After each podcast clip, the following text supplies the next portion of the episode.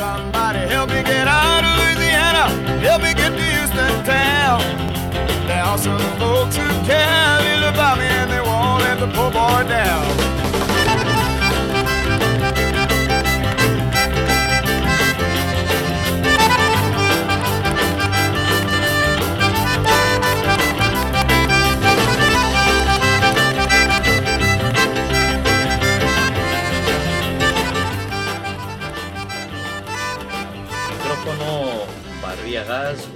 soinu gela honetan Bilbo iria irratean soinu gela musika saio honetan.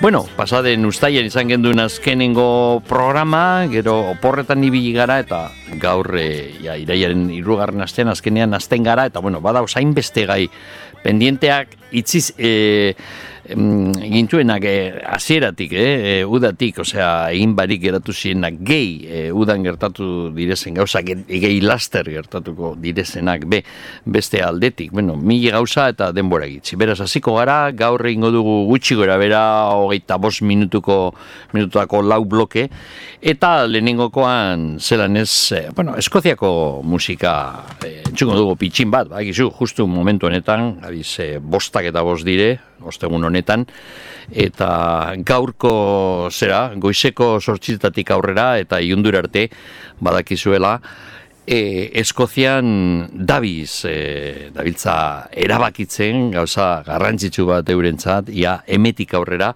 jarraituko duten, egon direzen moduan azkenengo irumende, e, zera, resuma batuaren barruan, zati bat izanik, edo, hortik irtengo direzen eta nola baite gobernu independiente bat, independentzia lortuko dute eta beste gobernu bat.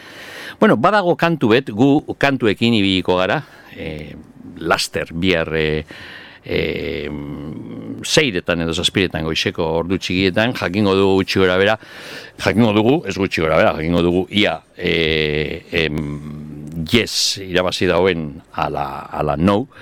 Eta gubitartean musika entzungo dugu. Badago Eskozian ez dakite independentzia lortu eskero segura eskinik ez dakit zein den eh? e, himno ofiziala oin dagoena edo izingo dena ez dakit zein den. Baina nik e, aukeratu behar izango banu himno bat e, Eskoziarako eta ez ni bakarri Eskoziar askok be pentsatzen zuten hori kantua bagertu zanean. Hau himno bat da benetan. E, Daki McLeanek e, idatzi zauen aspaldian nik entzun nuen kantu hori, zorain berrogei urte gutxien ez. Mm, ber, behin eta berriro grabatu dau mm, Maclinet, Dogi Maclinet, kantu hau eta beste askok be. Kantua deitzen da Caledonia, hori da Eskozieraz, e, zera, e, Eskozia esateko izena. Eta hau da kantua guk aukeratu duguna e, gaurko egun berezionetarako. Caledonia. Thank you.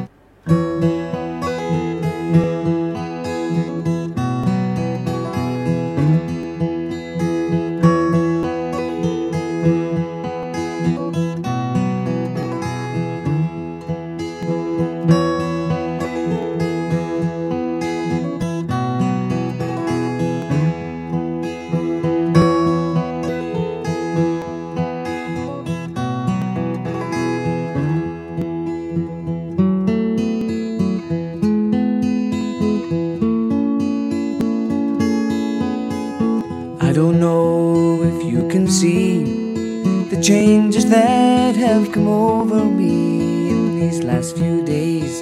I've been afraid that I might drift away.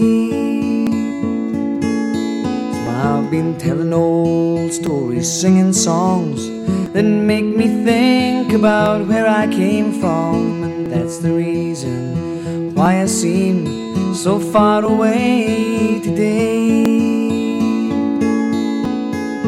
Let me tell you that I love you, that I think about you all the time. Caledonia, you're calling me, and now I'm going home. For if I should become a stranger, know that it would make me more than sad. Caledonia's been everything I've ever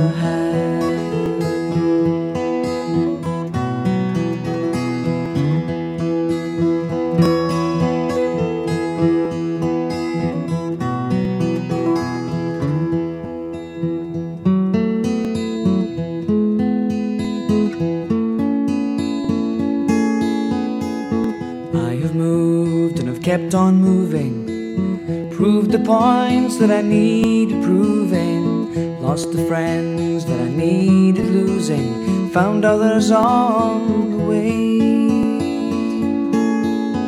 I have kissed the ladies and left them crying. Stolen dreams, yes, there's no denying. I have traveled hard, sometimes with conscience flying. Somewhere with the wind. Let me tell you love you, that I think about you all the time. Caledonia, you're calling me, and now I'm going home. For if I should become a stranger, you know that it would make me more than sad. Caledonia's been everything I've ever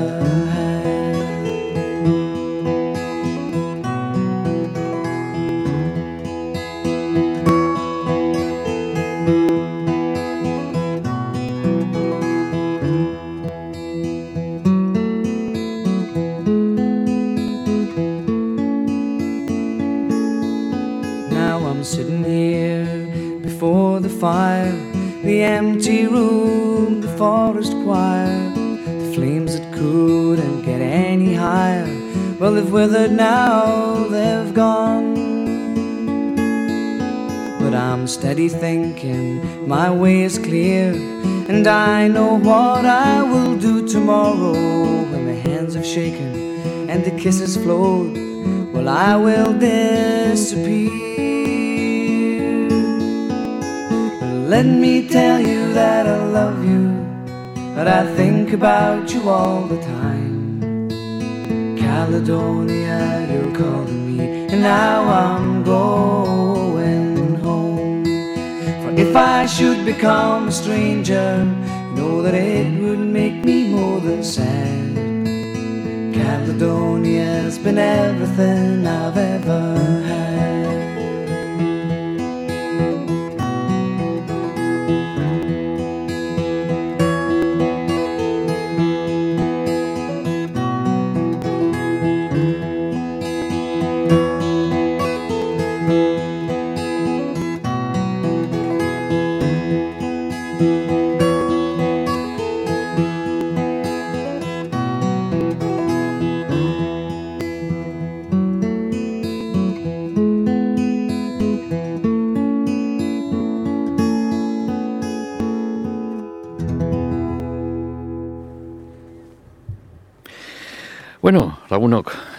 Doggy McLean entzun dugu, Eskoziatik. E, Eskozia deitzen den kantu bateraz, baina Kaledonia izenarekin. Eskozia deitzeko euren hizkuntzaz beste izen bat.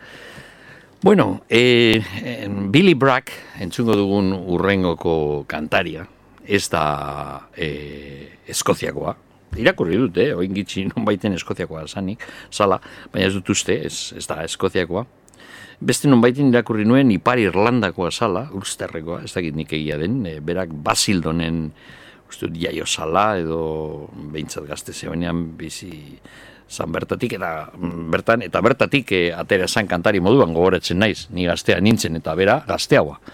Eta agertu zanean gitarra elektrika bat trobadore moduan, e, hori zin zan urtarriaren zeian, bostean, hobetu esan da, Inglaterran egin zan, mundu osorako transmititzen zan olako programa musikala handi bet, eta programa hartan Inglaterratik aurkeztu zuten Billy Bragg, oso gaztea zanean, gitarra elektrika bategaz, beraz trobadore zera, itxurea alde batetik, baina bestetik eh, rokerua bai. Eta gero, hortik itxire, etorri zan gainera, gazteizera, gazteizen ikusi gendun dienden, azken lehenengo aldiz, gero inoiz bueltatu da, eta orain gitzi uste dut eh, egon dela berriro, baina gabiz e, garai hartan, larogeiko amarkadan. Bueno, bera Inglaterrakoa da, ez da Eskoziarra, baina mm, egon da, nik uste dut, bera Eskoziako independentziaren alde agertu da, e, Billy Bragg sozialista bat da, eta badakizue mm, dagoen erreferenduna e, Eskozian gaur egun, dauka, sosera, undia ikusirik, e,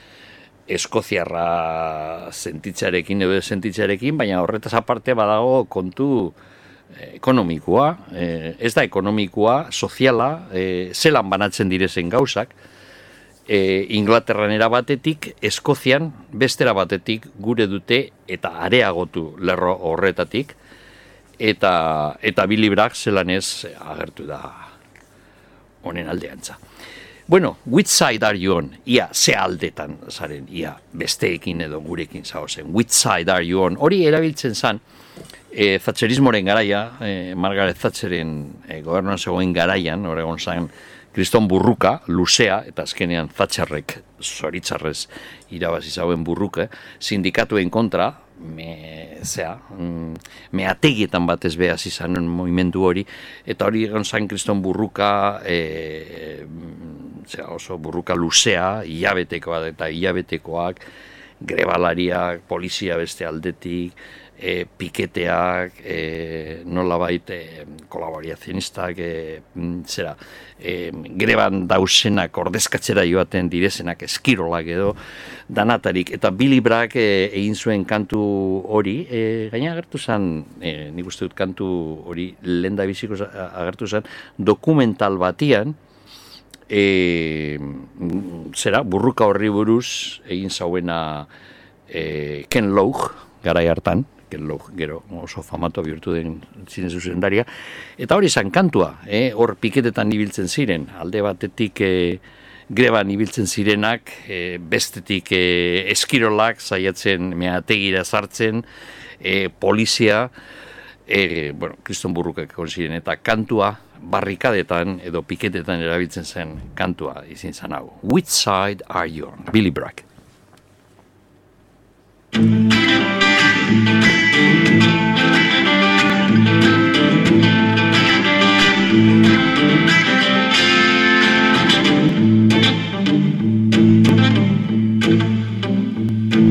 This government had an idea and Parliament made it law.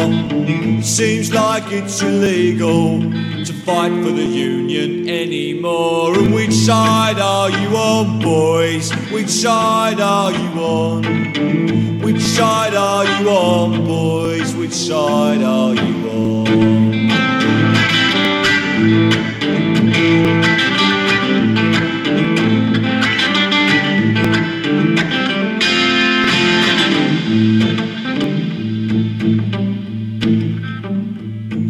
Set off to join the picket lines, but together we cannot fail. We got stopped by police at the county line. They said, Go home, boys, or you'll go into jail. And which side are you on, boys? Which side are you on? Which side are you on, boys? Which side are you on?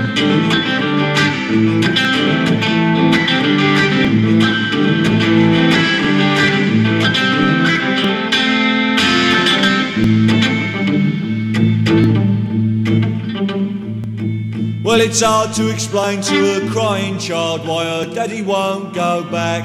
So the family suffer, but it hurts me more to hear a scab say, Sod you, Jack. Which side are you on, boys? Which side are you on? Which side are you on, boys? Which side are you on?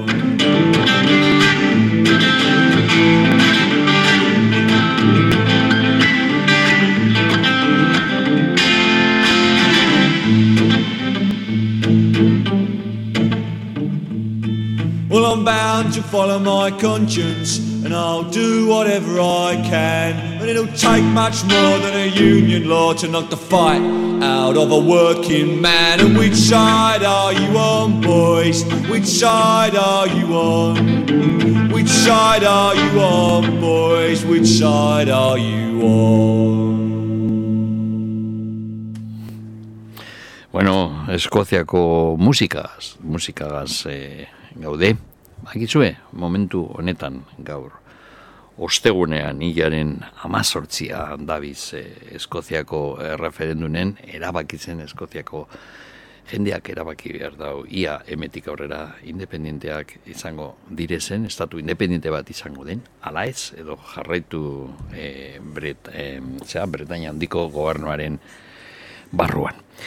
Eta gu e, gabiz e, entzuten Eskoziako musika. Esate baterako Sugel Nifty, eurek e, kafean txokian egon ziren, hemen ekarri dut zede zahar bat, eurek etara zuten, lehenengokoa Venus in Tweets, eta hemen dago One Love, Angus, Angus Grant, e, bibolin jolea, sinatu zidan diskoa, amen, e, antxokianen zarreran, One Love, jartzen zauen.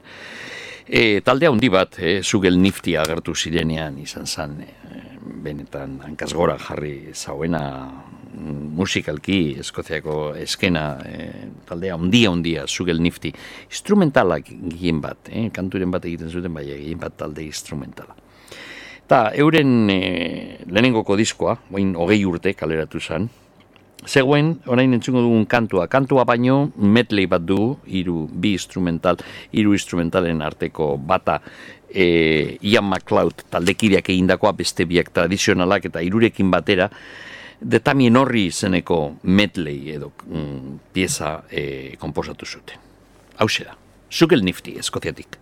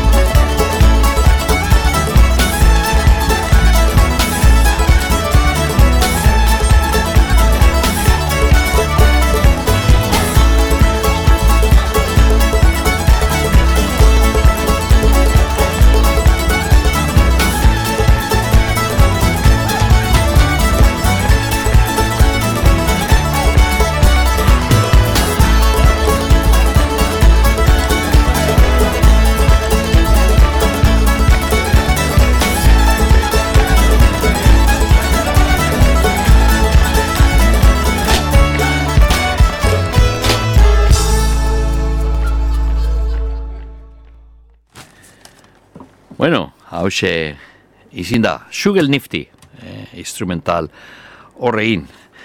Bueno, hemen ekarri dute Eskozia zera, orain urte batzuk eh, indako bilduma, mia, batzir dut alaro eta mazeian. Izan zan, ez du, ez di iusi eh, eungarren eh, urte hurrena.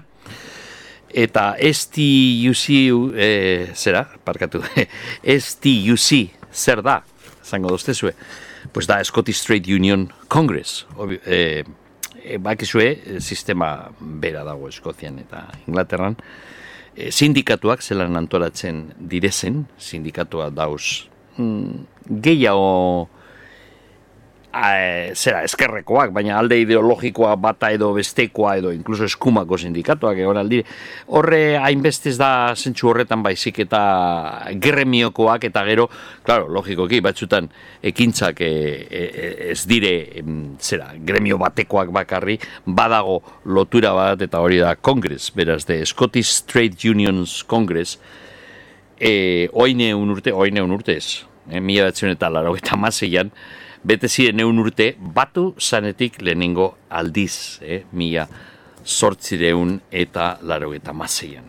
Eta hori eta, eh, If It Wasn't For The Union eh, bilduma LPA kaleratu zuten Eskozian Green Tracks eh, disketzean. If It Wasn't For The Union eh, Scots eh, izkuntzen izango litzateke, sindikatua egonez balitz. Aizer gertatuko zan, dinote eurek. Eh, garrantzitsua da askotan batzea zeraren alde edo kontra. Eta bueno, mm, disko honetan, batu egin ziren hainbeste kantu, ez bakarrik Eskoziako kantariek eta taldek, bat ez be Eskoziakoak izin ziren, Irlandar batzuk egon ziren, Luke Kelly eta Dowliners eta Christy Moore be egon zan, Eric Pogel, Australiakoa, naiz eta jatorrez Eskoziakoa izan.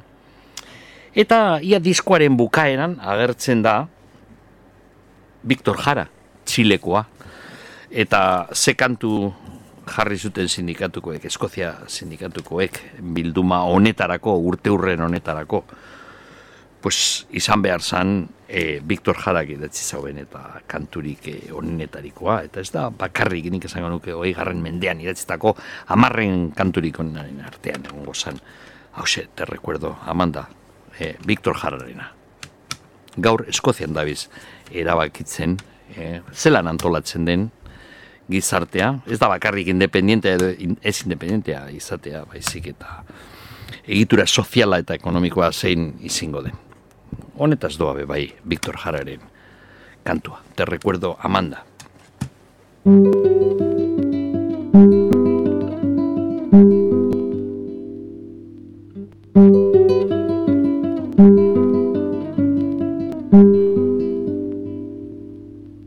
Te recuerdo, Amanda, la calle mojada, corriendo a la fábrica donde trabajaba Manuel.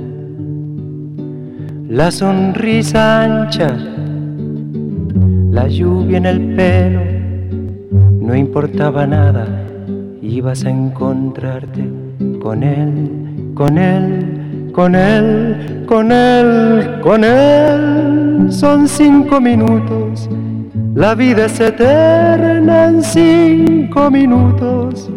Suena la sirena, de vuelta al trabajo, y tú caminando lo iluminas todo, los cinco minutos te hacen florecer.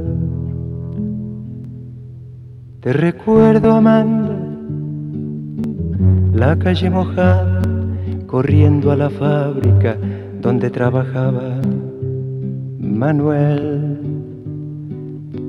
La sonrisa ancha, la lluvia en el pelo, no importaba nada.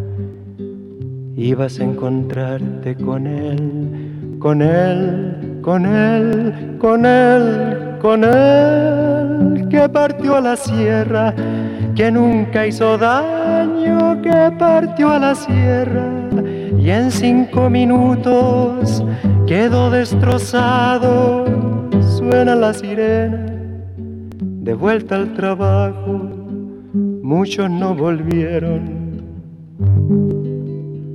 tampoco Manuel. Te recuerdo, Amanda, la calle mojada, corriendo a la fábrica donde trabajaba Manuel.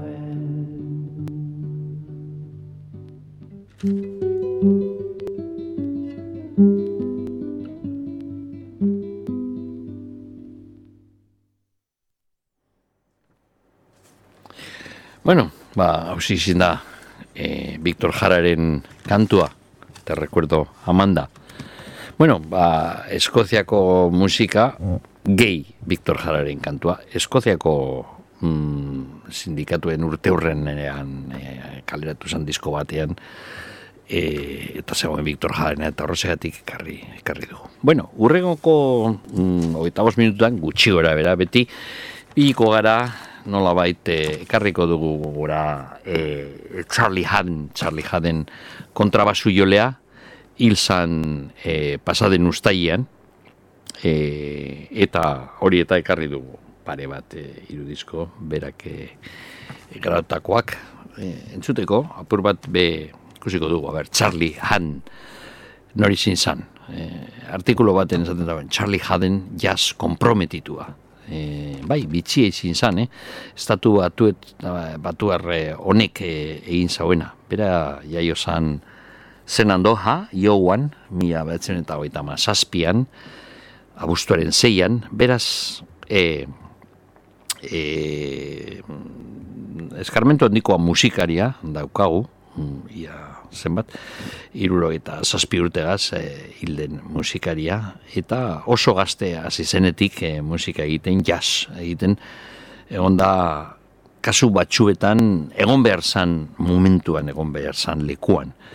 Kit Jarrett eta Carla Bley izan ziren bere musikakideak, baita Ornette Coleman, eh? ezin ahaztu, Don Cherry eh, trompeta jolea, eh, Bill Higgins bateria jolea, eta eta Johnny Johnny Haddon e, kontrabaju gaz izan zan irukotea Ornet Kolemanena izan zauen lehenengokoa. E, saxo jolearen laukote garrantzitsua hankaz gora jarri zauena jaz eskena iruroiko amarkadaren lehenengoko urteetan. Berak zijoen Charlie Haddenek Ornet Kolemanek irakatzi ziola e, nola baita, estiloetan edo zera zailkapenetan, kategorietan ez dala sinistu behar baizik eta edertasunean eta e, sinistu behar den kontua esaten zauen kolemanik esaten zion jadeni bera kontatu dauen moduan egin behar dana da zeo zer barria lortzea. E, Harinao ez zegoen zeo zer asmatzea, hori da helburua musikariena, edo hori izan helburua bere ustez.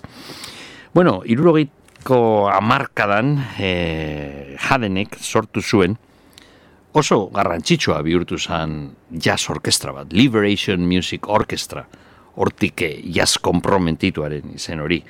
Oregon ziren musikaria handiak, eh? Don Cherry, egon zan, Gato Barbieri bebai, Saxu jolea, Carla Bley, piano jolea, Paul Mosean, bateria jolea, denboraz e, e, orkestra honetan egon ziren musikaria asko eta asko bihurtu ziren bakarlariak, bihurtu ziren izarrak, e, sortzaile handiak. Baina e, hasiera hartan, e, elkartu egin ziren, e, talde honetan, e, Liberation Music Orchestra. Grabatu zuten e, zera, mm, handitzen da, impuls e, disketzerako, oso, mm, zera, musiketxea undie, iaz munduen, e, LP bat, gara hartan guk e, CD-a ekarri dugu, eta bertan zegoen Song of the United Front, beste kantu askoren artean, eta hori da, entzungo duguna, hau jatorriz Han Heislerrek egin zaben Alemanian, eta hitzak bakizue, Bertolt Brechtenak zirenak. Song of the United Front.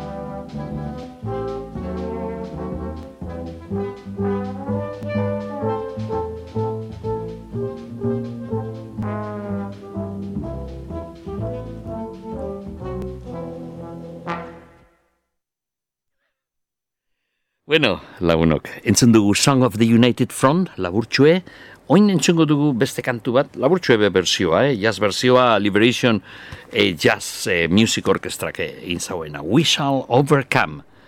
Hau da.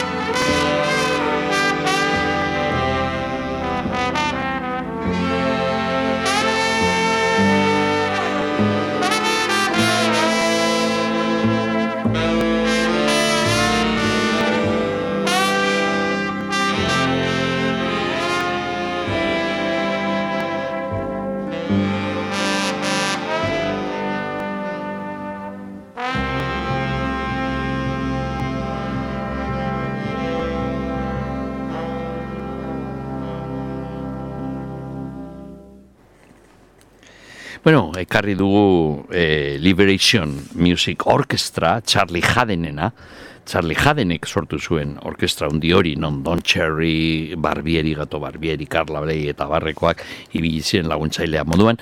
Gero Charlie Haden mila lekutan egon da, eh? nik egon ez duten lehen eta bueno, hogei kompaktu baino gehiago eta beste horren beste viniloak bere zera parte hartzearekin, berrogei disko gutxienez eta zati txiki bat da bakarrik bera grabatu dauenarena. Baina ekarri dut bi hiru gauza, hause da asko gustatu zitzaidan agertu zanean orain amar urte bi eta lauan, Land of the Sun. Charlie Haydenek eh, egin zauen mm, grabazioa, Kubako Gonzalo Rubalcaba e, piano joleagaz. Hemen musikariak e, Kubakoak dire batzuk, Oriente López, e, e, Michel Rodríguez, Juan Candela Cruz, Chocolate, Bongo Jolea, baina badauz bai Joel Obano modukoa, saksu jolea, beraz e, bi munduen arteko mm, kolaborazioa dugu. Ben, jaden naiz eta ioguakoa izan beti, izan dau, nola bait beti izan dau gustora, e, gustokoa mm, kubako musika, karibeko musika eta bar. Eta Gonzalo Rubalcaba gaztea zan urte hartan eta gaur egun. Be, piano jole nolabait barria eta, bueno, esaten zutela undienetariko aizingo zala, laster, berarekin grabatu egin zauen disko hau, eta bertatik entzungo dugu, bueno, hemen dauz kantu berriak, zaharrak, egin bat e, lingoko kantuak berzioneatuak. Entzungo dugu, hau da, apur bat luzetxoa, eta ingelez esaten baduzu, ba, baduzu eta izena Yesterday I Heard the Rain, ez duzu jakingo zer den, baina gaztenen esan ezkero igual badakizu eze kantua da. Ez da tarde bilo berizenekoa. Bueno,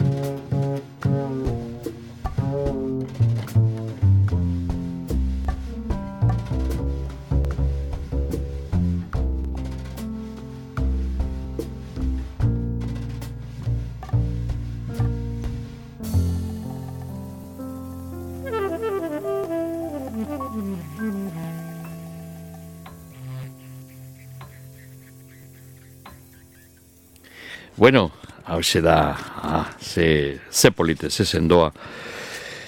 Ze sendo egin zauen berzioa, ez da tarde bilo ber, Charlie Jadenek eta Gonzalo Rubalcaba kubako piano jolea. Bueno, ba, hau baino, amar urte harina hobe bai, hori bimi eta e, zeikoa, ez laukoa parkatu. Bimi eta laukoa, izin zan entzunduguna, eta ez, e, zazpi urte erinago, mila betzen eta laro eta mazazpian, Charlie Hadenek e, kontrabajugaz, e, bajugaz, egin zuen grabazio handi bat, Beyond the Mississippi Sky, parkatu, Mississippi ez Missouri, Beyond the Missouri Sky, Missouri zera, e, zeruaren baino arago izeneko kantua, Beyond the Missouri Sky. Beraz, e, Pat Metheny izan zen bere konplizea, bere musika laguntzailea, disko honetan, aurretik e, eurek lan egin zuten. Pat Metheny, haundia dabe bai. Eta Charlie Haden azkenengo bi amarkadetan oso gustora ibili da Pat Methenyrekin, batzutan eurek bakarrik, hau grabatu zen New York e, irian, e, Beyond the Missouri Sky, Pat Metheny, gitarrekin, eta beste musikatresna guztiekin, basu jolea izan ezik, hori Charlie Jadenik jotzen dago. E, bueno, aukeratu dut kantu bat, e, melodia bat, doinu bat, Cinema Paradiso, segurezki pelikula hori, pelikula zoragarria, e, italiako pelikula zoragarria benetan. Ah, behitu. e, Ibonek, e, soinu teknikariak, e, esatozte ontze horretik. Eta ontxe berriro gueltatu da zinema. Ba, behitu, aukera, eder bat, ikusiko pelikula benetan oso esanguratsua, eta gainera musika hemen dagoena pelikula hartatik hartutakoa da. Ze Charlie Jaden eta Pat Mezeni bi da zinemarekin, mm, zinematik nahiko gertu, hainbeste aldietan, banda sonoroak baita egin dute, eta kasu honetan hartu zuten beste batek egindakoa, eta berzio bat e, dako. Hemen, e, Cinema Paradiso pelikularena main theme, beraz hau da, nola bai, doinu nagusia pelikularena.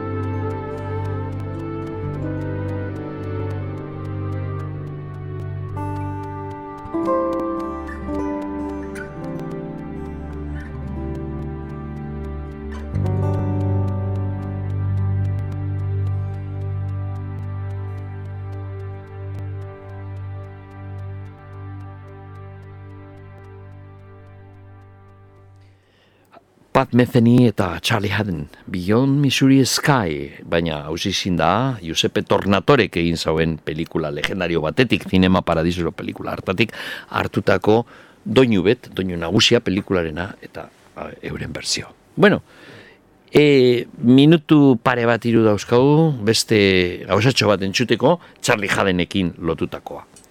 Badago pelikula bat, eta nik uste dut mm, ez dakit segetik, eh, agian jaden nengatik, Aipatu nizuen zelan eh, pelikula ikaragarria izindala, aurtengoa, Espainiako pelikula bat, zineztu ez, eta David Truebaren Live, eh, sea, vivir es fácil con los ojos cerrados. Hori dator, ba, gizue, Strawberry Fields Forever, John Lennonen kantu baten lerro batetik. Eh, living is easy with, your with closed eyes.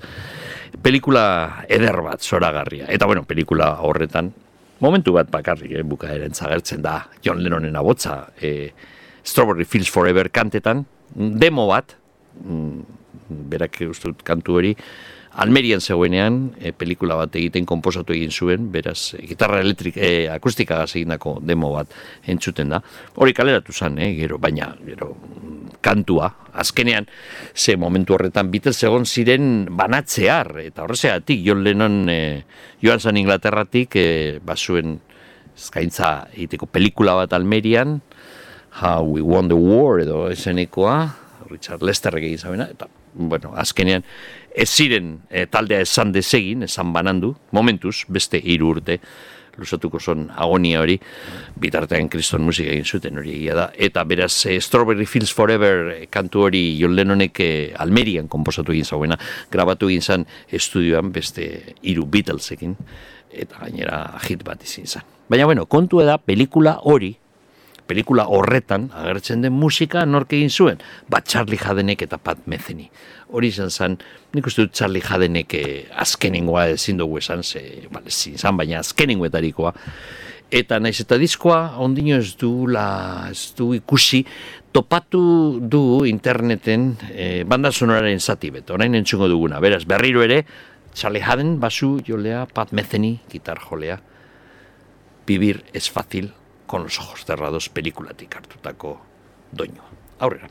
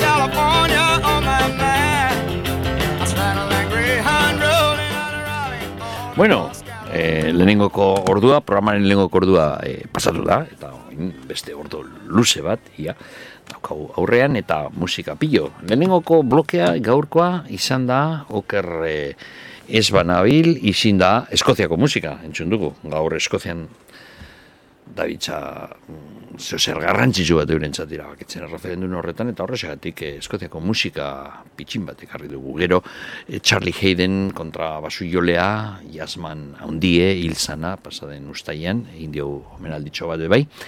Eta orain lurrit lurrit e, style orain hilzan ia orain urte bet. E, iraiaren hogeita zazpian hilzan New Yorko New Yorkeko estatuan lurrit bimila eta mairuan, beraz, laster eh, emetik eta hilabete bat eta bi egun izango dugu urte hurrena eta barriak zeuru egongo direla munduan leku ezberdinetan. Agian Euskal Herrian Berton bebai e, badago proiekturen baratzetik egiteko kantu batzuk lurri denak euskeraz eta urrengoko asteotan ba, zehaztuko ditu gauza batzuk eta azkenean entzun be grabatu dena. Baina bitartean gure dena da emetik eta mm, urriaren hogeita zazpirarte astero ingo dugu apur bat, ingo dio lekutsu bat lurriri. Mm, lekutsu bat baina zeo zer gehiago, mereziko zuen, baina gutxienez lekutsu hori itziko dio lurriede izan zen, lengo kogunean irakurtzen dauen, azkeningo ikonoklasta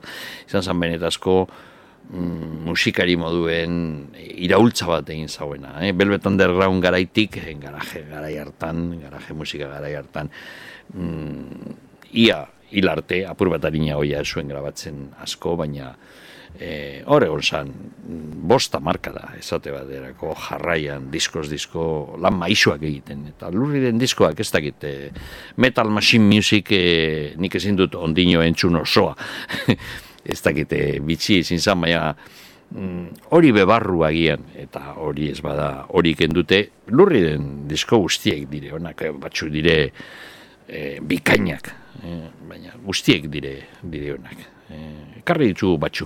Bueno, joango gara orain Velvet Underground garaira, e, Velvet Underground lehen da biziko, uf, kaleratu zuten neuren lehengoko diskoa, Niko, Jon Keil eta Lurrit, gehi, mm, erritmoko sekzinua, e, eta bostean. Eta mantendu zan taldea iruro eta laura arte, iruro eta malaura arte, mm, azkenengo boladan ja e, John Cale eta Nico Esiren.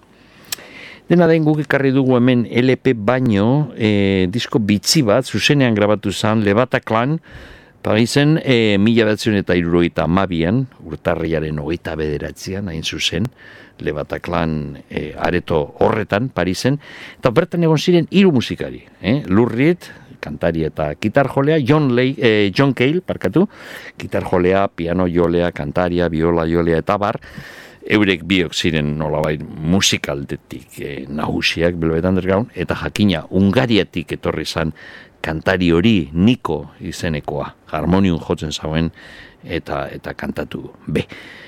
I'll be your mirror, izin zan kantu bet, momenturen bat Warholek, anti Warholek esan zion lurriri. A ber, kantuak nikoren zat, egin behar duzue niko zegoen taldean, zan garrantzitsua, itxuragatik, abotzagatik, zuen, eh, emoten zauen atmosfera gatik taldeari, eta ez den zion, a ber, eta dekozu mm, kantari hori niko taldean, kantuak beraren egin behar dire, bereziki eta fein feitzal, ez fein feitzal ezin izen bat, baina I'll be your mirror dudarik gabe izan zen hauetariko bat, hauetariko bigarrena uste dut, eta amen niko dago kantetan. Lastera gian kantu hori be, euskeraz entzuna izango dugu.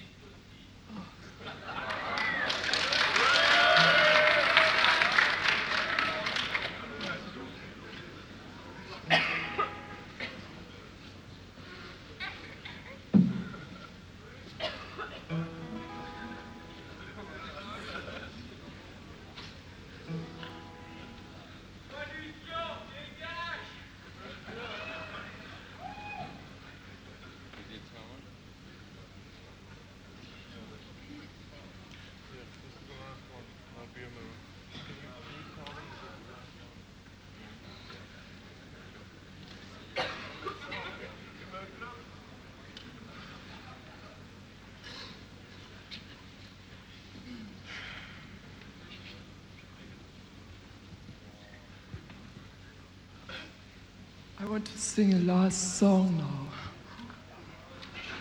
If I can, I try my best.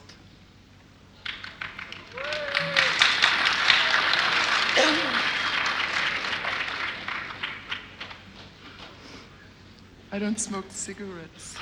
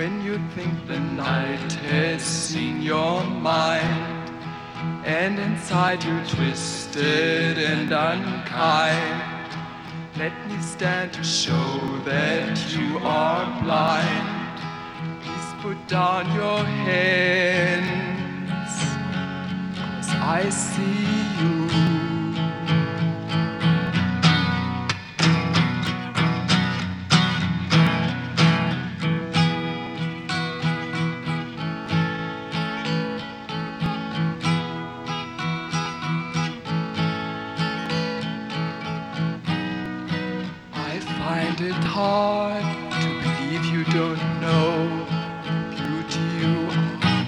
But if you don't, let me be your eyes, hand in your darkness, so you won't be afraid when you think the night has seen your mind, and inside you're twisted and unkind.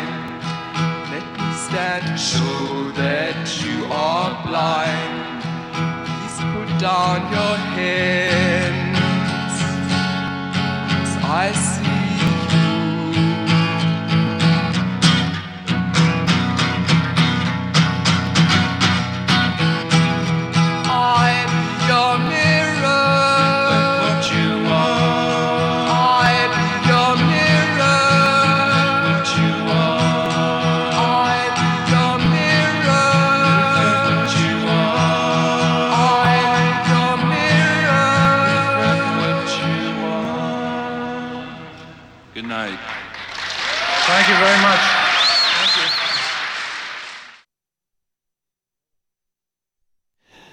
Bueno, ekarri dute viniloak be ekarriko ditxu, baina abarazoren bat platoaz eta gaurre mm, CD-ekin gabiz, eta bueno, hainbeste dauz, lurri den e, lanak. Etengabe, eh? izan zen oso gizon sistematikoa, ez da urtero, baina mm, ez zuen itzi diskorik kaleratu, disko kaleratu barik e, epeluze bat inoiz. Iru eta marreko mm, kantuak ez dakit nik e, honetarikoak dauz batzuk hemen, baina gero be bai. Eh? Different Times izan zan bilduma bat, kaleratu zan eta ameneiro eta marreko amarkadan e, bakarlari moduan, eh? Mm, hemen ez dauz kantuak e, Velvet Underground garaikoa.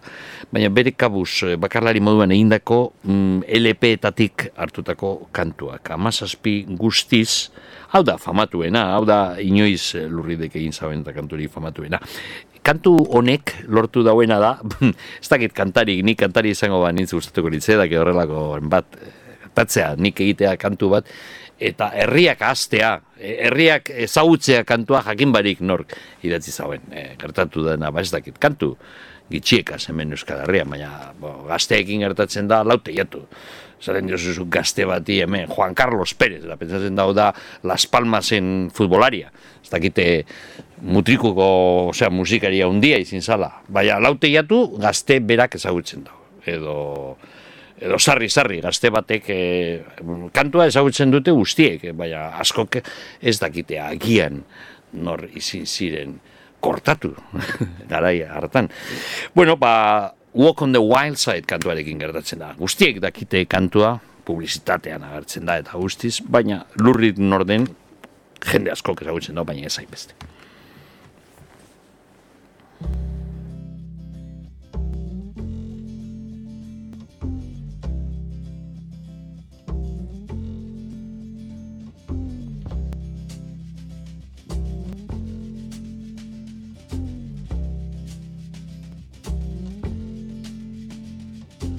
Holly came from Miami, FLA. Hitchhiked away across USA. Plucked her eyebrows on the way, shaved her legs, and then he was a she. She says, Hey, babe, take a walk on the wild side.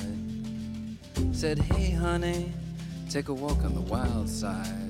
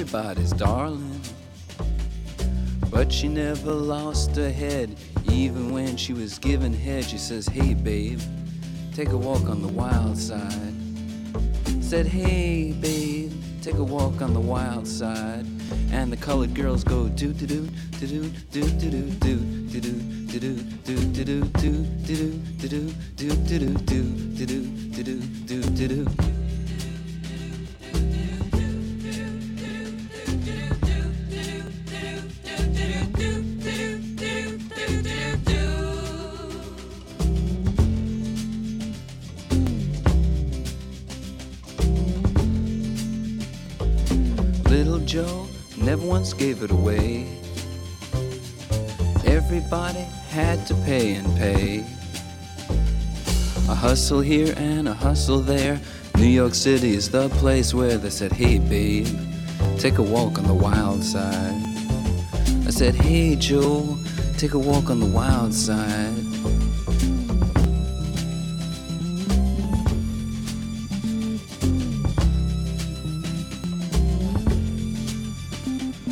Sugar Plum Fairy came and hit the streets, looking for soul food and a place to eat. To the Apollo, you should have seen him go, go, go. They said, Hey, sugar, take a walk on the wild side. I said, Hey, babe, take a walk on the wild side. Alright. Ha.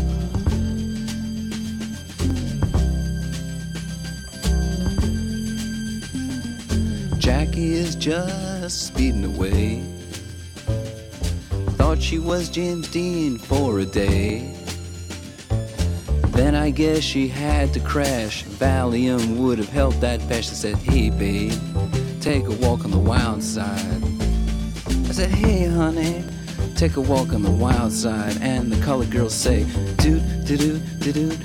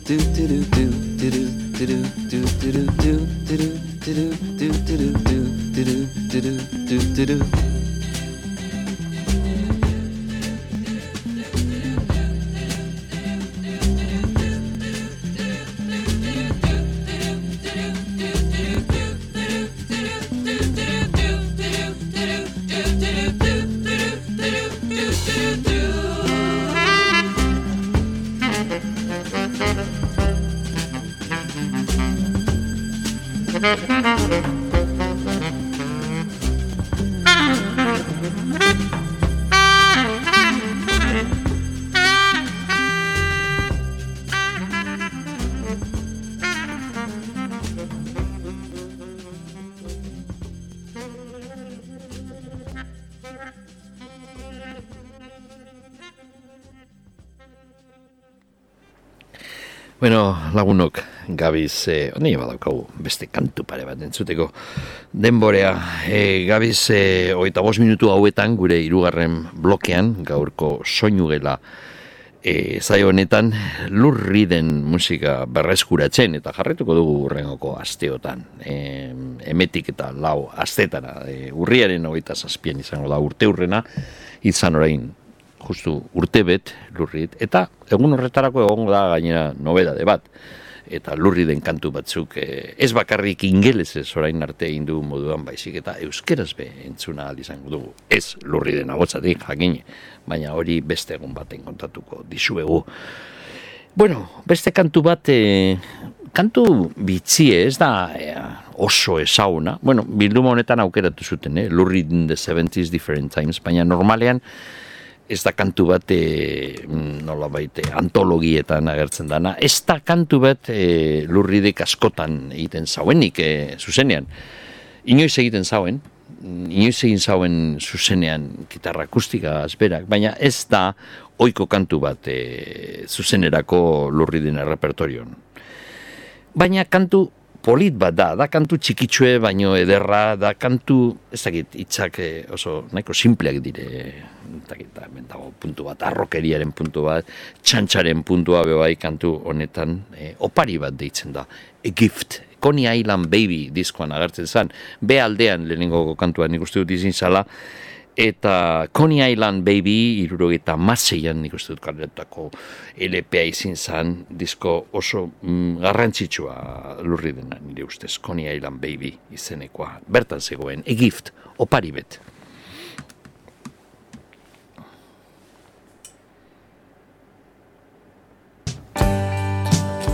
I'm just a gift to the women of this world.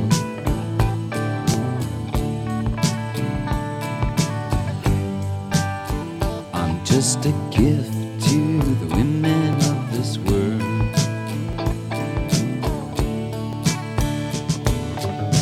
Responsibility sits so uh, hard on my shoulder. Like a good wine, I'm better as I grow older, and now I'm just a gift to the women of this world.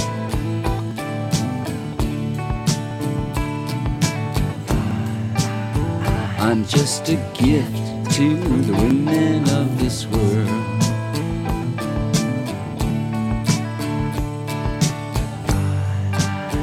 I'm just a gift to the women of this world.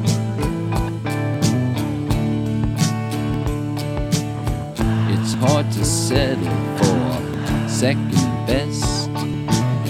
After you've had me, you know that you've had and now you know that I'm just a gift to the women of this world.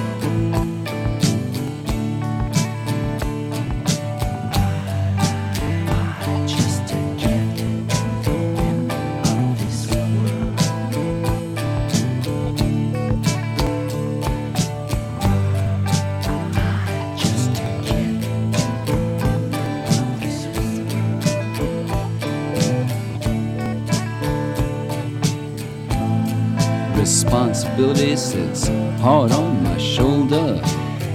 Like a good wine, I'm better as I get older, and now I'm just a gift to the women of this world. You know that I'm just a gift to the women of this world. Just a gift now.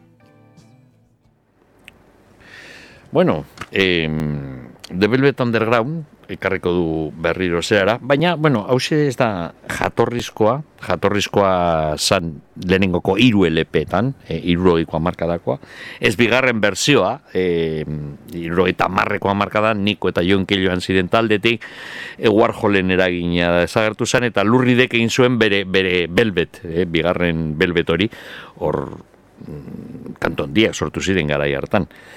Horrein entzuko duguna, izin zen hauetariko bat. E, baina be bai Sweet Jane eta rock and roll eta gero erabiliko zituenak batzutan berriro bakarlari moduain, ja, belbeten azkenengo zera hori bat zegoen. Dena den, The Velvet Underground elkartu ziren, e, esan nahi dut, niko hila zegoenez, geratzen ziren, bizirik geratzen zirenaz, lehenengoko belbetetik, Lurrit eta John Kay, gehi Moe Tucker, bateria joerea, gehi Sterling Morrison, hori da jatorrizko formazioa, batu ziren egin zuten mila behatzen eta laro eta mairuan e, Warhol hilostean, ze John Kay eta Lurrit erdien frentatuta egon ziren, baina elkartu egin ziren hori eta, eta gero berriro mm, elkartu zuten Develoet Underground, eta egin zuten e, Parisko Olimpia antxokian, kontzertu, bueno, bat baino hiru, ekainaren amabosten, amaseian, amazazpian, laro eta mairuan, mila betzen eta laro eta mairuan, uda hartan egon ziren, eta e, The Velvet Underground errepertorio hartan, jakine, orain entzuko dugun kantua, diskoaren hasieran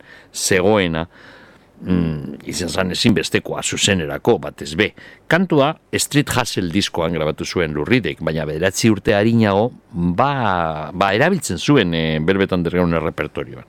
Eta mila behatzen eta laro mairuan, elkartu zirenean berriro, belbetan dergaun jatorrizko, e, taldekideak aukeratu egin zuten jakina kantua bizin behar zala hasierakoa. We are gonna have a real good time together elkar ezin hobeto ibiliko gara. Hau da kantua. Lastera gian euskera zentzungo dugun kantua bebai.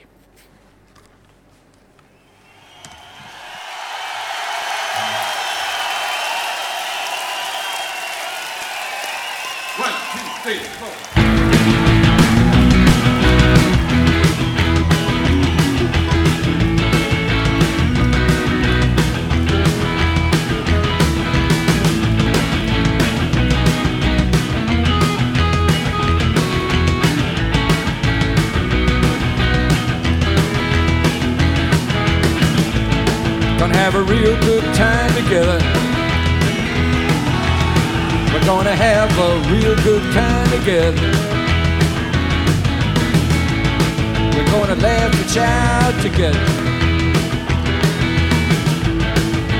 Have a real good time together. Na na na na na na. Na na na na na na na na na na. Na na na na na na na na na na. Na na na na na na na na na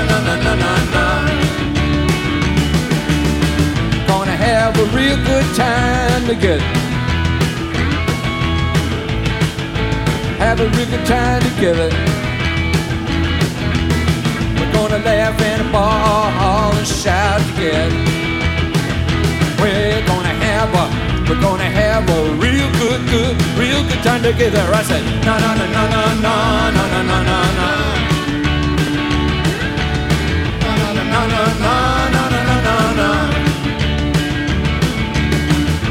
Na na na na na na na na na na na.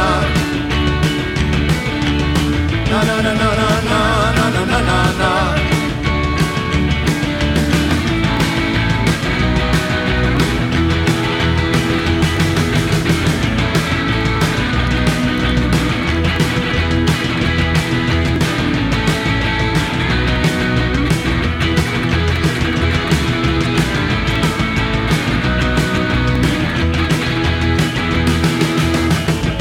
na na. na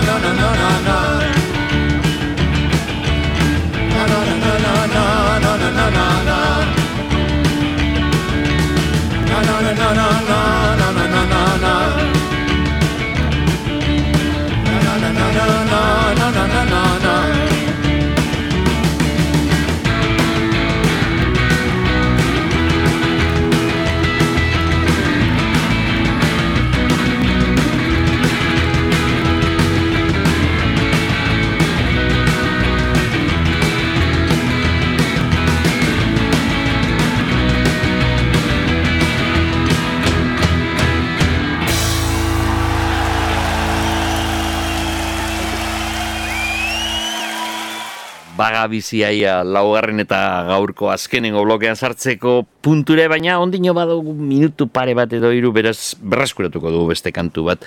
Lurri dena aspaldiko batez e, egin zauena mila behatzion eta laro eta marrean. Lu, eh, Andy Warhol euren nolabait mecenas, euren laguntzailea, euren buru ideologika, Velvet Underground garaian izan, eta John Cale eta Reed nahiko urrunduta ziren bata bezengan.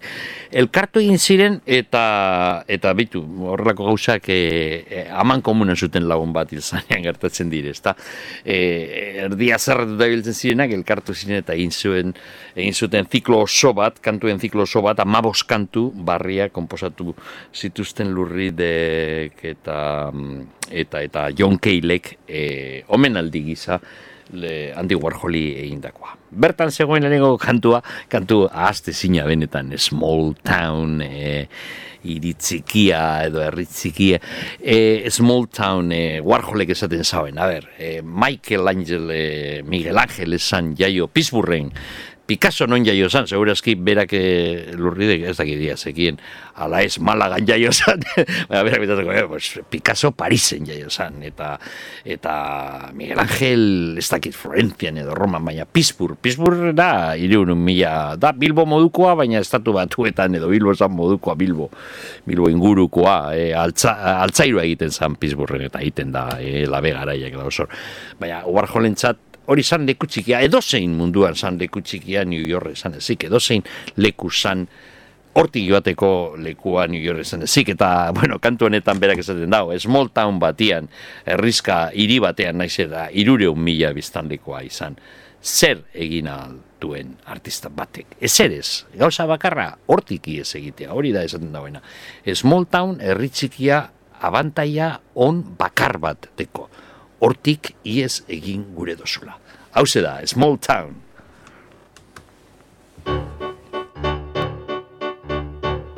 When you're growing up in a small town, when you're growing up in a small town, when you're growing up in a small town, you say, No one famous ever came from here.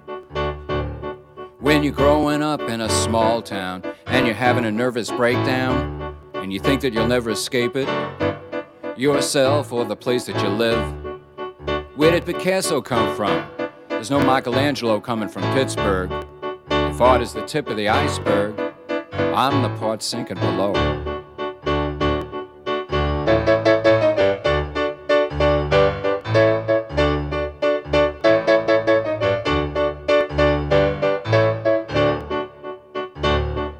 When you're growing up in a small town, bad skin, bad eyes, gay and fatty, people look at you funny. When you're in a small town, my father worked in construction. It's not something for which I am suited. Oh, what is something for which you were suited? Getting out of here.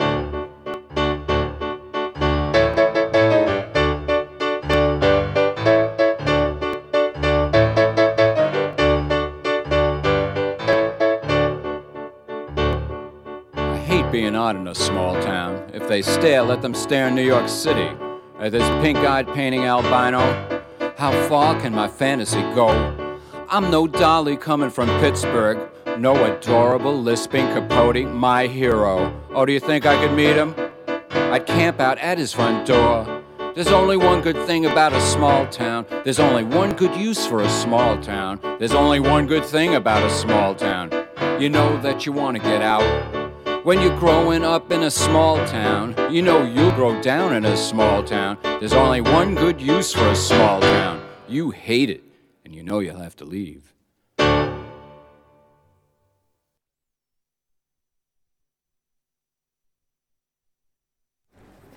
Bueno, eta sartzen gara gure azkenengo bloke honetan, beste hogeita bost minututxu izango du utxi gora bera, eta bueno, gure aurko azkenengo protagonista, eta bueltatuko ez dana, emetik gitxira, e, ze, e, lurri desate baterako laste izango dugu berriro gugaz datorren astean, baina da e, Leon Russell, Leon Russell orain gitxi lehenengo aldiz Euskal Herrian, e, egon zan Bilbon, e, pasaden astelenean, nik uste dut izin zala kontzertu kontzertu hori, ez orain, orain bi astelen, ez aste honetan, aurreko astean, e, martitzenean izan zen, Leon Russellen kontzertua Bilbon. E, Leon Russell musikari garrantzitsua, oso musikari garrantzitsua izan da Leon Russell. Tipo bitxia, eh? tipo bitxia, ez da hain ezaguna, naiz eta musikari moduan funtseskoa izan. Bera, jaio zan, aspaldian, ez da bia, beratzion eta berrogeita bian, eh, Oklahomako gizona, Lowton errizkan jaio zan. Eta, bueno, Clay Russell Bridges, benetazko izena, baina Leon Russell beti izan da mm, bere e, izen artistikoa, eh? kantaria, kantu egilea, e, piano jolea, gitar jolea, basu jolea, edo zein musika tresna nik uste dute bere aurrean jarri eta joal zuen ia, ia. Berak egin dau, izan da, mm, zentsu honetan, mm, rock artista oso bat, eh? E, esparru guztietan eh, egin zaben zo, eta gaina denbora pila bat izan dau. Pentsau, jaio zan, mila betzen eta berroita bian, bueno, bila e, bedatzen eta berroita mabosterako, Mm, ondino amairu urtekoa zanez, nik magnezen eskolara joango zan, baina denbora libren edo azte buruan, ja, hasi zan, diruaren truke musika egiten estudioetan, eh, grabatzen, beraz, eh, bere ibilbidea izan da, rock and roll zea, mundu horretan, luzenetarikoa, benetan, nos hasi zan, eta ondino badabil, eh? ondino badabil, berro eta mar urte baino gehiago musikari profesional moduen, eh? berroita mabost eh, urte daroa jarraian. Hemen dago zerrenda bat, norekin jodauen, eta jodauen ez da kontzertu berean egotea bere taldeagaz. Jodauen esan nahi dut, euren musikaria esan, kantuak euren egin eta batez be diskoetan parte hartu. Hemen bakarrik dauz izen batzuk, eun inguru agertzen dire. Joe Cocker, laster entzungo dugu, Willie Nelson, eh, George Harrison, Clapton, Dylan, John Lennon, J.J. Cale, Bruce Horby, B.B. King, Freddie King, Bill Wyman, Steve Cropper, eh, Don Preston, Rita Coolidge, Graham Parsons, Frank Sinatra, Aretha Franklin, Marvin Gaye, Stevie Wingwood, The Birds, The Rolling Stones, The Beach Boys, eta bakarrik aipatu ditugu izen batzuk. E, en, norekin ez da egon, izango zen, asko zerrezagoa, seguru ere, eta laburragoa egiteko zerrenda bat. Gere, gere bere urrezko momentu bat izin zen, gogoratzen naz, ez, ez nitzen egon, eh, bertan. Baina pelikula batean ikusi genduen guztiok eh, hortik bitxira, diskoa garbatu zen, diskoa kontzertu bat egin zen, abuztuaren batean mila betzen eta irro eta maikan, hm, gaztetxo bat nintzen, uste, eta mairu amala urte nituen hortik. E, gara hartan eta gero Concert for Bangladesh kontzertu famatua Jos Harrisonek antolatu zauena e, e, pelikula bat, luze metrai bat egin zan, eta estrenatu egin zan, bilboko sinema batean hortik bi urtetara. Eta hor geratu ginen guztio, Leon Russell, Leon Russell ez gendun asko ezagutzen, ba, nahiz eta hainbeste kredituen agertu, baina gero diskoa agertu zanean, eta Josh Harrisonen lehenengokoa Beatles agertu ostean, All Things Must Pass grabatu zanean, hor zegoen Leon Russell izkina guztietan, kantuak egiten bebai, eta e, Concert for Bangladesh horretan agertu zanean basua josuen kontzertu hartan e, Bob Dylanekin batera. Bob Dylan zegoen hiru urte edo bi, bi urte mm, emanaldiak emon gabe motorraren istripuaren ostean eta voltatu zanean kontzertu horretarako eta lur, e, Leon Russellekin e, bueno, eta Leon Russell grabatu egin zuen lurridekin, e, lurridekin esparkatu Bob Dylanekin e, saio batzuk agertu ez direzenak beste batzuk bai e, single batean bueno, hemen viniloak dauz gehiago LPak baino e, parkatu zedeak baino beraz e, bueno, e, internetetik e, zaiatuko gara konpontzen arazo txiki hori. Hau da kantu bat, Leon Russellek idatzi zauena, Joe Kokarren zat, Joe Kokarren taldekoa izin zan, Joe Kokarrek egin zauena, bira hundi bat estatu batuetan, Mac Dogs eta The Englishman deitzen zen taldia, eta barruan mm, kapitaina benetan Leon Russell zan, gitar jolea eta piano jolea baita apur bat, antolatzaile e, historia osokua. Eta, mm, bueno, ba, kantu hau Delta Lady, Leon Russellek egindakoa, bihurtu zen hit txiki bat joeko kerrentza. Delta Lady.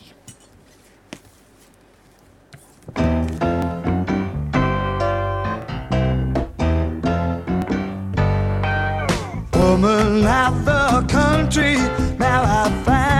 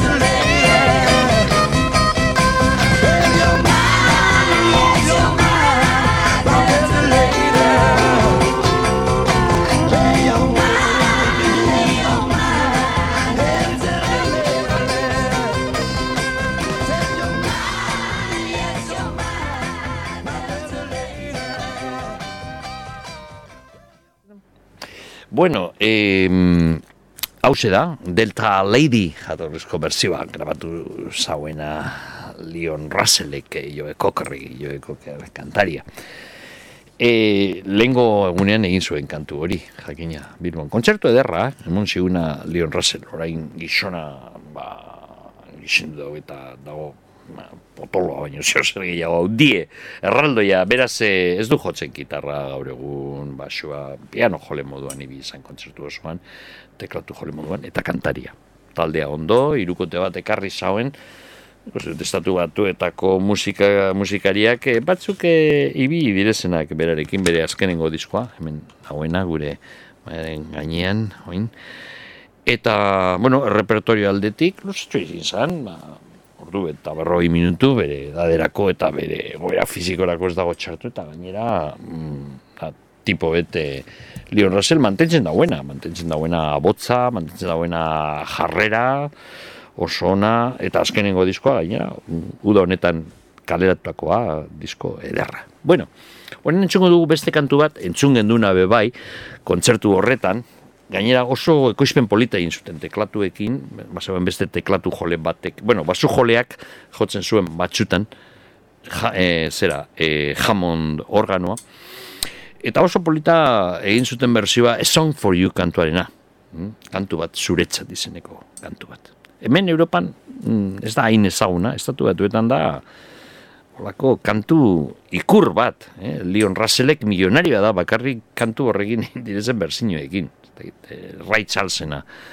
eh, Charlesenen berzioa dator eguru orain, baina bada pilo bat, eh? eh edo nok, edo zein kantari, andra, edo gizunak eh, grabatzen zuen garaibaten estatu batuetan kantu hori, A Song for You, eh? Leon Russellen kantu bat, e, beraren txataien izin izan hain kantu arrakastatxua, baina da benetazko mm, berak idatzitako kantu guztien artean diferentziaz ezagunena, hau da e, kantu hori, Song for You, Leon Russellen eskutik.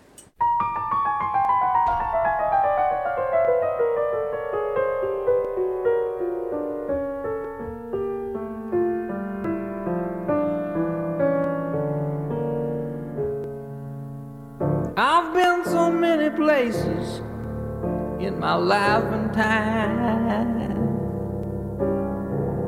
I've sung a lot of songs, I've made some bad rhymes. I've acted out my love in stages with 10,000 people watching. But we're alone now, and I'm singing this song to you. I know your image of me is what I hope to be. I've treated you unkindly, but darling, can't you see? There's no one more important to me. Darling, can't you please see through me? Cause we're alone now and I'm singing this song to you. You taught me precious secrets of the truth, withholding nothing.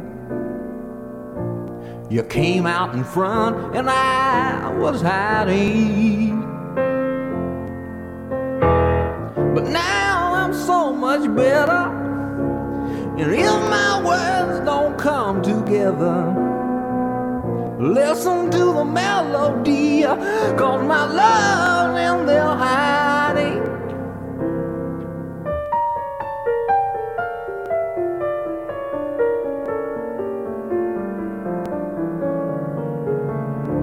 I love you in a place where there's no space and time.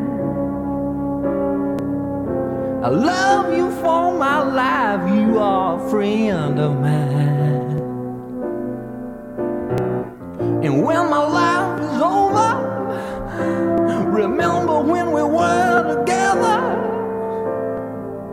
We were alone and I was singing this song to you.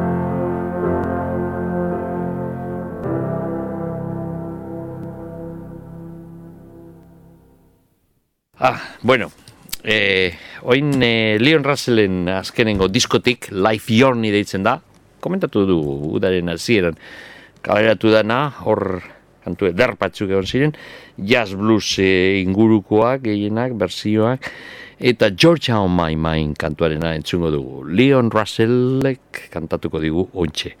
Georgia on my mind, bere azkenengo diskotik, iruro eta mar urtegaz grautakoa.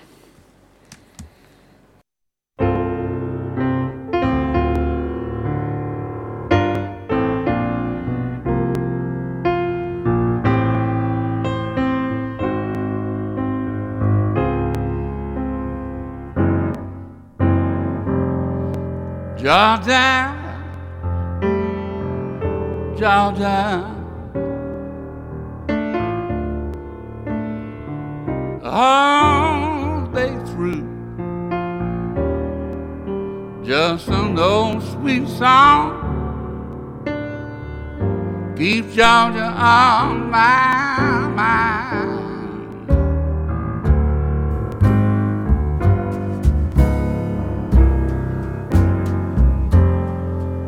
Georgia, Georgia. Song of you comes a sweet and clear, uh, just like the moonlight through the pine.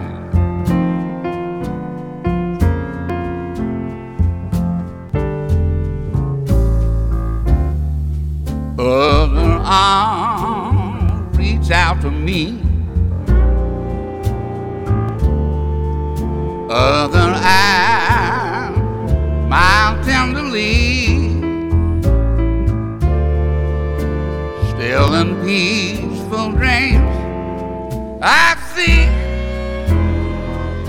Roll these back to you.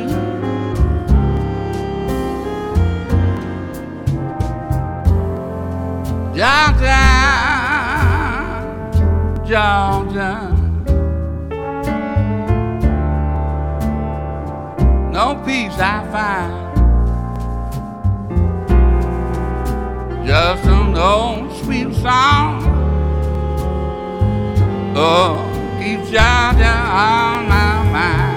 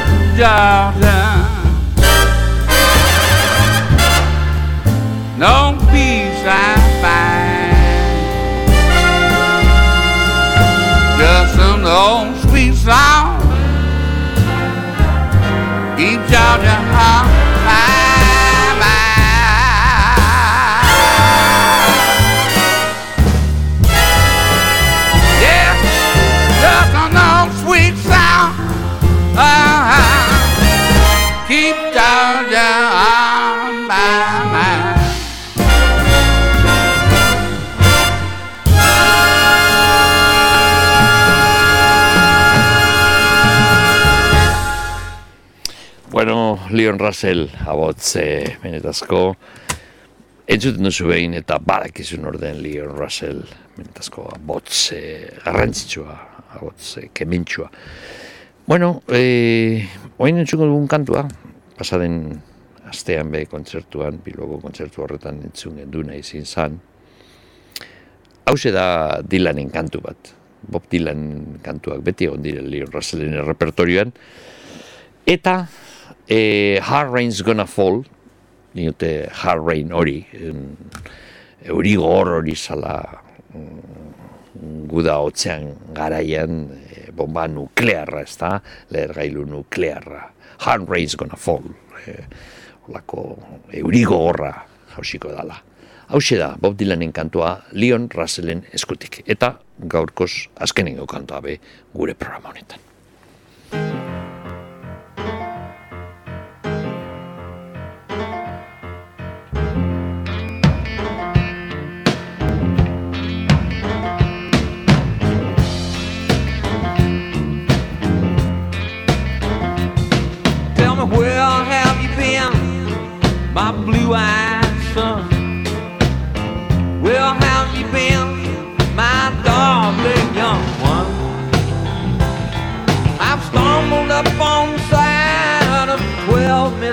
Misty mountains.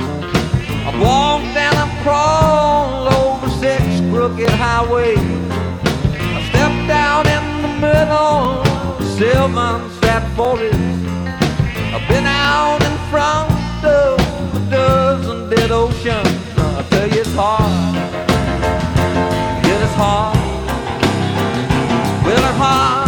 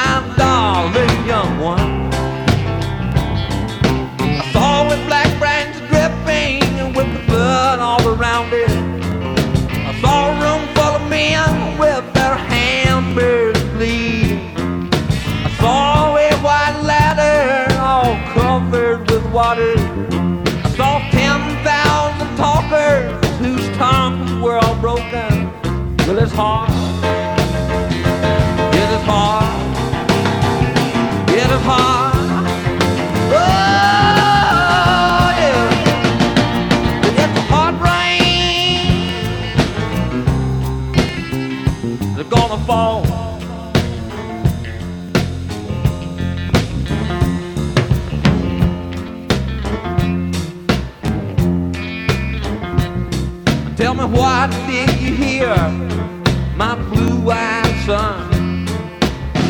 What did you hear, my darling young one? I heard a 100 drummers, hands that were blazing, 10,000 whispering and nobody listening. I heard a one-person star, I heard many people laughing.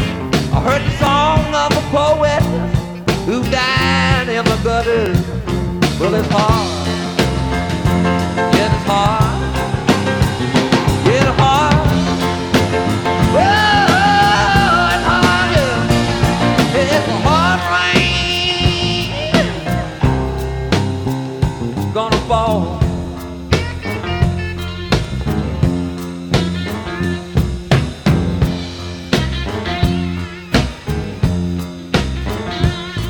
Well, what'll you do now, my blue-eyed son?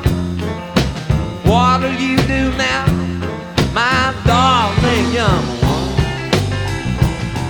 Well, I walk to the depths of the deepest black forest, where the people are many and their hands are all empty, where the pellets of poison are flooding the water. But I love my song well, and I sure won't forget it, cause it's hard. Yeah, it's hard.